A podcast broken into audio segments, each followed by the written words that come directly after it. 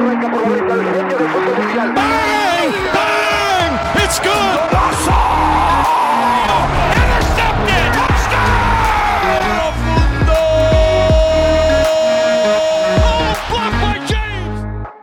Bienvenidos a un nuevo episodio de La Voz de la Tribuna. Mi nombre es Aldo Aro y el día de hoy hablaremos, como dice Jorge Valdano, sobre lo más importante de las cosas menos importantes, el fútbol, concretamente las noches mágicas de la UEFA Champions League. Por ello es que me acompañan dos grandes amigos, ambos aficionados a este deporte. Inicio con Manuel Puente, conocido entre amigos como Manis. ¿Cómo estás, amigo? Bienvenido. ¿Qué tal Aldo? Buenos días. Muchas gracias por la invitación y esperemos que sea una plática amena. Bien, esperamos que sí. Y continuamos con Joaquín Chacón, también conocido entre amigos como Joac. Bienvenido. Que Ubaldo, muchas gracias por la invitación y pues esperemos que este sea un gran capitulito. Antes de iniciar, me gustaría saber si eres aficionado a algún equipo, Joac.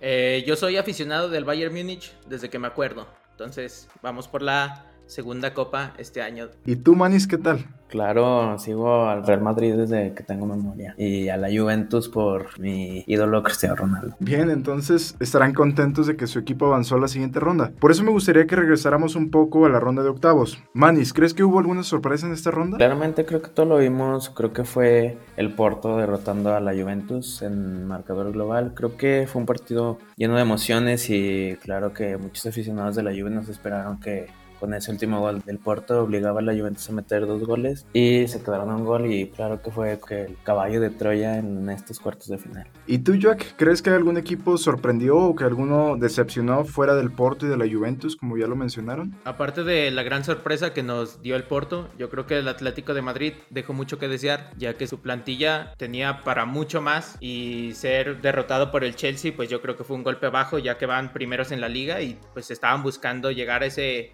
triplete tan deseado por todos los equipos. ¿Crees que es una deuda pendiente para el Cholo Simeone la Champions? Siempre será una deuda porque ya no creo que dure mucho más en el Atlético de Madrid. La verdad es que nos quedó a deber un poco, sin embargo nos ha dado grandes alegrías y pues esa final del 2015 creo que si hubiera cambiado un poquito el resultado le hubiera ido mejor al Atlético. ¿Crees que el ciclo del Cholo Simeone está por cerrar en el Atleti? Pienso yo que es necesario que haya un cambio, aunque lo ha hecho bien durante todos estos años, revolucionó el Atlético de Madrid de una manera increíble. Pienso que sí, en poco tiempo el Cholo Simeone dejará de ser parte de ese gran equipo. Mencionabas el cierre de ciclos. Manis, te pregunto algo relacionado a Cristiano Ronaldo, que es tu ídolo. ¿Crees que es momento de separarse de la Juventus? Recordemos que él llegó para ganar la Champions y es algo que se ve complicado, más porque el próximo año es agente libre. Entonces, ¿crees que sea momento de un cambio de equipo? Eh, como tú lo mencionas, eh, creo que sí es momento de cerrar este ciclo.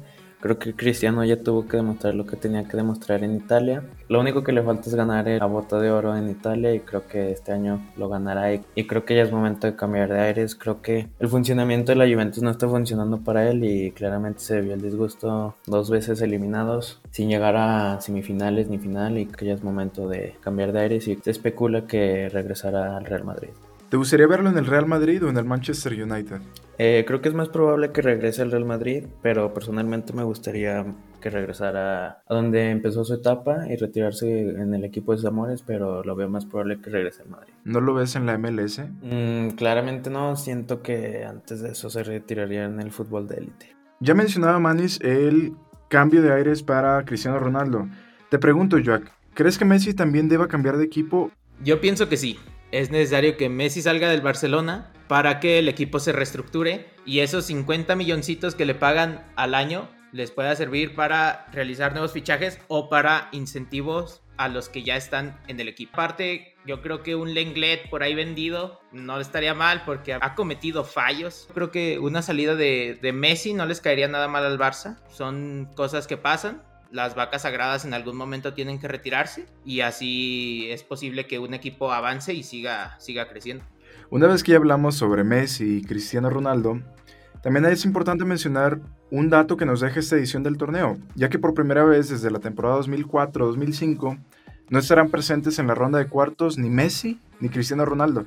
Manis, ¿crees que es momento de un cambio generacional? Eh, creo que ya lo estamos viviendo, Aldo. Ya lo hemos visto con las nuevas promesas, como lo es Ellen Haaland y Mbappé. ¿Qué impresiones te dejaron en esta ronda de octavos y en general en la temporada que están teniendo? Creo que el desempeño de Kylian Mbappé se vio muy bien en el encuentro contra el Club Barcelona. Los dejó muy mal parados a todos los defensas y creo que Erling Haaland está haciendo lo suyo por parte del Borussia Dortmund, ya que es un joven que tiene la altura, la velocidad y la fuerza que necesita un delantero. ¿Piensas que Erling Haaland puede salir en este mercado de fichajes? Eh, lo veo un poco probable ya que los equipos se han visto afectados por el tema COVID financieramente y creo que lo veo un poco probable, pero no es imposible. Bien, Manes ya mencionaba sobre Erling Haaland y Kylian Mbappé como dos grandes prospectos. Joaquín, esta pregunta va para ti. ¿Qué te parece Kylian Mbappé? Desde el Mundial de 2018 ha seguido su pista y ¿qué te deja? Pues mira, desde ese Mundial él lo cargó con sus hombros, llevó a la selección francesa a su segundo Mundial y podemos ver que en el Paris Saint Germain no ha sido diferente. Ha conseguido llevarlos a la final de una Champions League, que no es nada fácil, un equipo que en su vida había entrado hasta esa instancia del torneo. Y pues me parece eh, Mbappé un jugadorazo, sinceramente. Es, es un fuera de serie con tan poca edad, ha logrado grandes cosas. Y pues yo creo que él va para más. Tiene, no sé si 22, 23 años. Todavía le queda 10 años por delante. Nos, nos espera una maravilla. Y no se diga nada de su competidor, que también es, wow, son unos fuera de serie, son unos killers dentro del área. Nos dijiste que Mbappé cargó en sus hombros al equipo de Francia en el Mundial. ¿Crees que está haciendo lo mismo con el París, más que Neymar, por ejemplo? Yo pienso, sinceramente, que lo está haciendo. Sin embargo, tener nombres tan pesados como el de Neymar lo apoyan y lo motivan a, creo, todavía ser mucho mejor de lo que ya es. Hay rumores sobre un cambio al Real Madrid. ¿Crees que sea posible? Se han estado dando guiños durante estos últimos meses, pero sé que el París no va a desaprovechar al gran jugadorazo que tienen, entonces van a intentar retenerlo y el Madrid va a intentar ficharlo. Entonces va a ser una guerra de dinero, pero yo creo que él más que el dinero le va a importar más en dónde puede crecer su potencial. Una vez que ya repasamos la serie de octavos de final, me gustaría que habláramos sobre el sorteo de cuartos. ¿Qué les parece el acomodo de los equipos, las llaves. Manis, ¿cuál es el equipo que te llama más la atención en esta ronda de cuartos? Pues sinceramente todos los partidos creo que serán muy emocionantes, pero sinceramente el Porto, ya que creo que puede dar una sorpresa por ahí, pero o sea, no lo veo imposible, pero claro que es posible. ¿Cómo ves a tu Real Madrid? Creo que viene de una racha muy buena y se le esperan partidos muy complicados como lo es así primero el Liverpool, después el Clásico y nuevamente Liverpool. Y claramente Liverpool no viene de su mejor racha ya que tiene la mayoría de sus defensas lesionados. Creo que ese es un problema muy grave y la mayoría de sus jugadores pues no están mostrando el rendimiento del 100%, pero claramente es un equipazo, eso no, lo de, no le quita méritos. Pero pues claramente va a ser un partido lleno de emociones, de ida y venida y creo que si Liverpool juega a su estilo, eh, para el Madrid va a ser un poco difícil mantener ese ritmo. ¿El Real Madrid le afectará jugar en Anfield en una pandemia donde no hay público? No creo que pese la localía, ya que pues obviamente Anfield es el teatro de los sueños, por así decirlo. Pero creo que sin los aficionados no creo que pese tanto el, el localismo.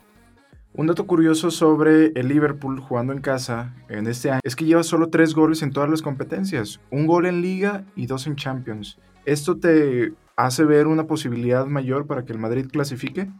Es una estadística muy importante para tener en cuenta, pero creo que contra el encuentro de Leipzig, el Liverpool se vio muy superior y les llegó a meter, bueno, ganar los dos partidos, el de ida y vuelta. Y no creo que sea momento para que se confíe el Madrid, porque el equipo está lleno de estrellas, de, la defensa se encuentra un poco débil y el Madrid debe aprovechar estas oportunidades. Mencionaste algo sobre las lesiones de Liverpool, pero el Madrid también ha sufrido de eso. ¿No crees que se empareje el encuentro? Eh, la verdad, no creo, ya que por parte de Liverpool la defensa se encuentra muy débil, ya que no cuentan con su gran estrella, su pilar Van Dijk. Y por parte del Madrid ya la mayoría se encuentran en, en forma ideal para los encuentros, pero claramente Hazard, como es de costumbre, se encuentra lesionado, pero creo que eso no es importante, ya que el Madrid se ha encontrado perfectamente con los jugadores que tiene Y eso no demerita de que tiene grandes estrellas como Benzema, el medio campo y claramente Ramos es el gran motivador. Paso contigo, Joaquín. ¿Para ti qué llave o qué serie es la que más te llama la atención? A mí, la llave que más me llama la atención es en donde está el Bayern, el PSG, el Dortmund y el City. Creo y pienso firmemente que el que gane de esa llave se va a llevar la Champions. Para mí el partido que más llama es el Bayern contra el PSG porque tienen una revancha pendiente la cual puede ser muy muy jugosa. Ya mencionaste cuál es tu partido favorito y tu llave favorita, pero para ti quién es el máximo candidato o los máximos candidatos? Mira, para mí los máximos candidatos están todos en la misma llave. Yo pensaba que iba a ser el Manchester City y el Bayern la final. Sin embargo, con estas llaves vemos que, pues no sé, yo aposté porque el Bayern, pues es mi equipo, iba a ganar. Sin embargo, veo que en el lado en el que se encuentra es una llave complicada. Y pues bueno, el, el City también es un, es un gran candidato a ganarla. Sin embargo, hay veces como que pierde el rollo y más con sorpresas porque hemos visto que perdió contra el Mónaco, contra el Liverpool, contra el Tottenham y me parece que contra el Lyon en años anteriores. Y el Dortmund efectivamente es la sorpresa de este año. Y para ti, Manis, ¿quiénes son los máximos candidatos? ¿Quién crees que puede levantar la orejona? Sin duda, creo que el Bayern Múnich nuevamente y el Manchester City. ¿Qué porcentaje le das a tu Real Madrid? En el partido contra el Liverpool le doy un... Creo que si avanzan de cuartos de final, veo muy probable que lleguen a la final. Estoy de acuerdo contigo, creo que la prueba máxima para el Real Madrid es la serie ante el Liverpool, y en caso de superarla se abre una baraja de posibilidades para el club merengue.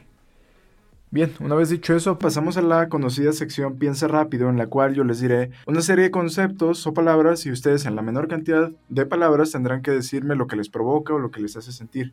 ¿Comenzamos, Manis? Perfecto, listo. Iniciamos con Real Madrid, Grandeza, Barcelona, tristeza, Zinedine Zidane, ídolo, Erling Haaland, futuro, fútbol, mi vida, Cristiano Ronaldo, el mejor, Champions League. Chulada. Bien, buenas respuestas. Ahora pasamos contigo, Jack. ¿Iniciamos? Muy bien, muy bien. Venga, Bayern Múnich, aplanadora, Robert Lewandowski, killer. Pep Guardiola, Y ese sí está perro. Calvo, Visión, Kylian Mbappé, futuro, fútbol, una pasión, Leo Messi, un dios. Champions League. La chuladiña, dijo el Manis. Buenas respuestas. Manis, ¿por qué te volviste del Real Madrid? por Cristiano. ¿Nada más por él? Sí, ¿Y cuando se fue no lloraste? la neta, sí. sí. Sí creo, ¿eh? ¿El número uno de la historia, Manis? Omar Bravo. No, no, no, que ¿es número uno? Para mí sí, personalmente. Pero pues no le quito méritos a Messi. La neta sí sé que lo de él es talento y lo de Cristiano es dedicación. Antes de terminar, me gustaría que hicieran algunas recomendaciones de cara a la ronda de cuartos de final. Comenzamos contigo, Jack. Pues yo qué recomendaría. La verdad es que esos días los tomen como un día sagrado. O sea, como un día en donde puedes comerte tus alitas, tu chelita, puedes cotorrear, pero pues estaría bien eh, disfrutarlo, pero como algo, como una celebración, algo sagradito, algo bonito, algo delicioso. Un día que digas, es Champions y hoy toca disfrutar. Yo pienso que esa sería la mejor forma de adentrarse y amar la Champions como debe de ser. Bien, ¿y tú, Manis, qué nos recomiendas? Sin duda alguna, no perderse ningún partido, ya que obviamente los mejores equipos de Europa no se enfrentan todos los días. Y creo que es muy importante ver estos partidos, disfrutarlos y pues sin duda alguna convivir. Excelente, gracias por las recomendaciones. Antes de terminar, Manis, ¿cómo te encontramos en las redes sociales? En YouTube como Manis Waco. En Instagram me encuentro como ManisPM-bajo. En Grindr ya cerré mi cuenta y también en Tinder.